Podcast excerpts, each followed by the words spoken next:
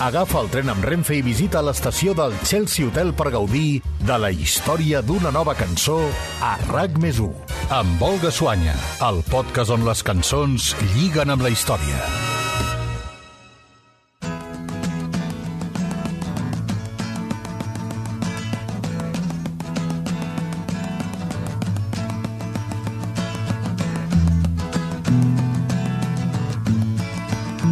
La guitarra acústica de Jimmy Page, John Bonham picant un cubell de brossa de plàstic com si fos un bongo, el baix elèctric de John Paul Jones i, finalment, la veu inconfusible de Robert Plant.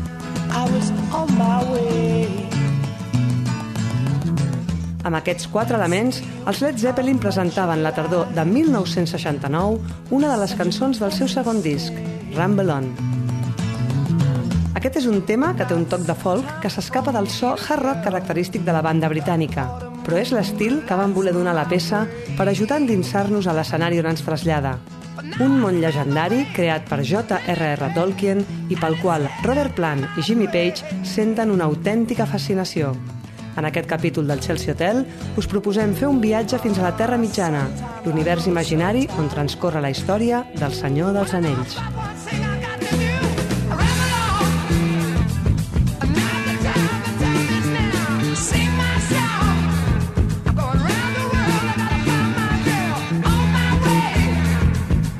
Nascut a Sud-àfrica i criat a l'Anglaterra de principis del segle XX, John Ronald Royal Tolkien s'ha convertit en un dels autors de referència de la literatura fantàstica moderna.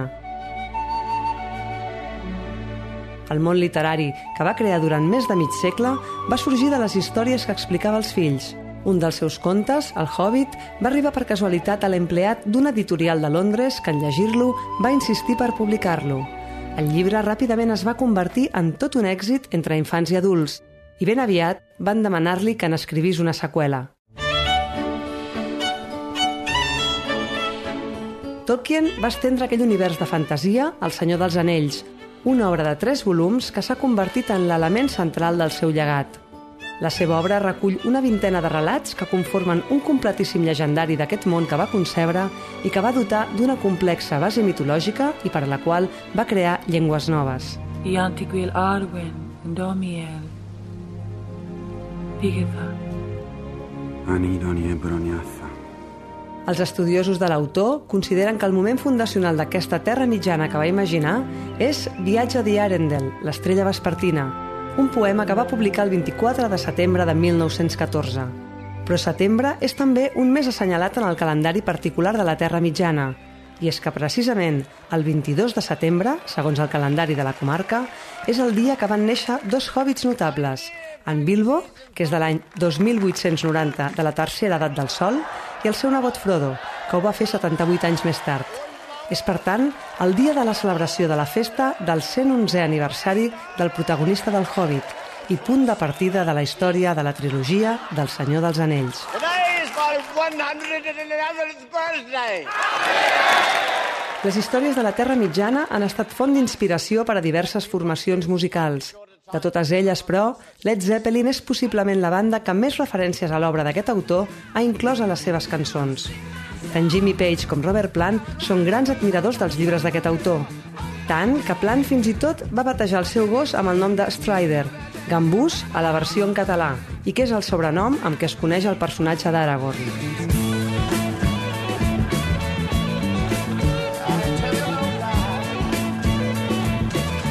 Tot i que l'imaginari creat per Tolkien és present en diverses cançons del grup, Rumble On és la que el recull d'una manera més explícita. I és que al llarg de la seva lletra, els integrants de Led Zeppelin fan tot de referències a paisatges, localitzacions i personatges descrits en els relats de la seva obra. De fet, els primers versos de la cançó són una paràfrasi de l'inici del poema Namari, el text en llengua quènia més extens del Senyor dels Anells. Ai lauri lantar lassi surine, ignar unotti narve ramar aldoron. Conegut també com el lament de Galadriel, aquest cant expressa el dolor dels elfs en haver d'abandonar la Terra Mitjana quan aquesta passa a ser domini dels homes. A la segona part de la cançó, ja se citen directament noms propis de l'obra de Tolkien, com per exemple quan Plant canta que a les profunditats més fosques de Mordor va conèixer una noia molt bonica, però que Gollum i el malvat es van arrossegar i es van escapar amb ella. Just in the darkest depths of Mordor,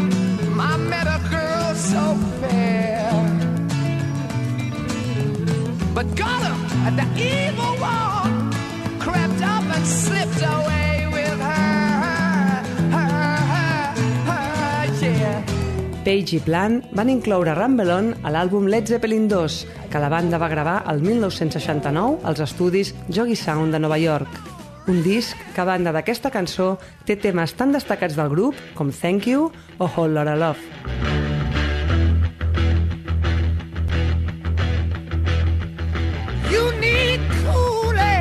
És el treball amb què la banda va començar a experimentar amb diferents estils musicals i tendències que li serviria per encaminar la seva trajectòria musical cap a una direcció que culminaria amb el seu quart disc.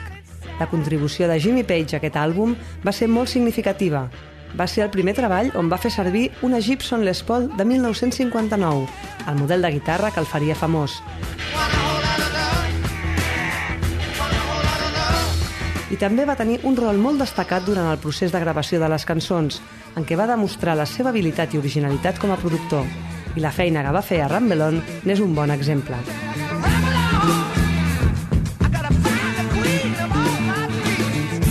Ràpidament es va convertir en un dels temes de referència de Led Zeppelin i, de fet, la revista Rolling Stone el va incloure dins la selecció de les 500 millors cançons de la història.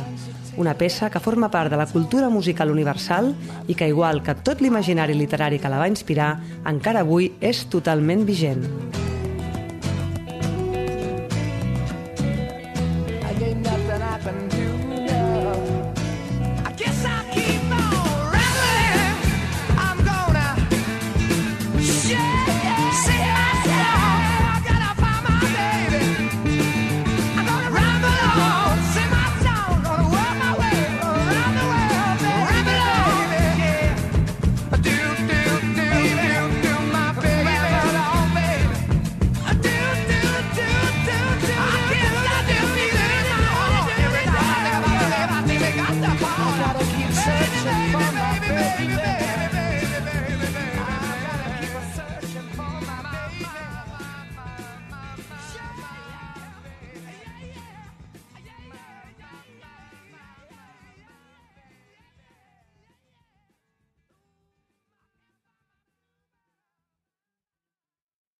El tren de Renfe, amb parada a Chelsea Hotel, reprendrà el seu viatge i tornarà dissabte que ve amb noves cançons a RAC més 1, amb Olga Suanya, el podcast on les cançons lliguen amb la història.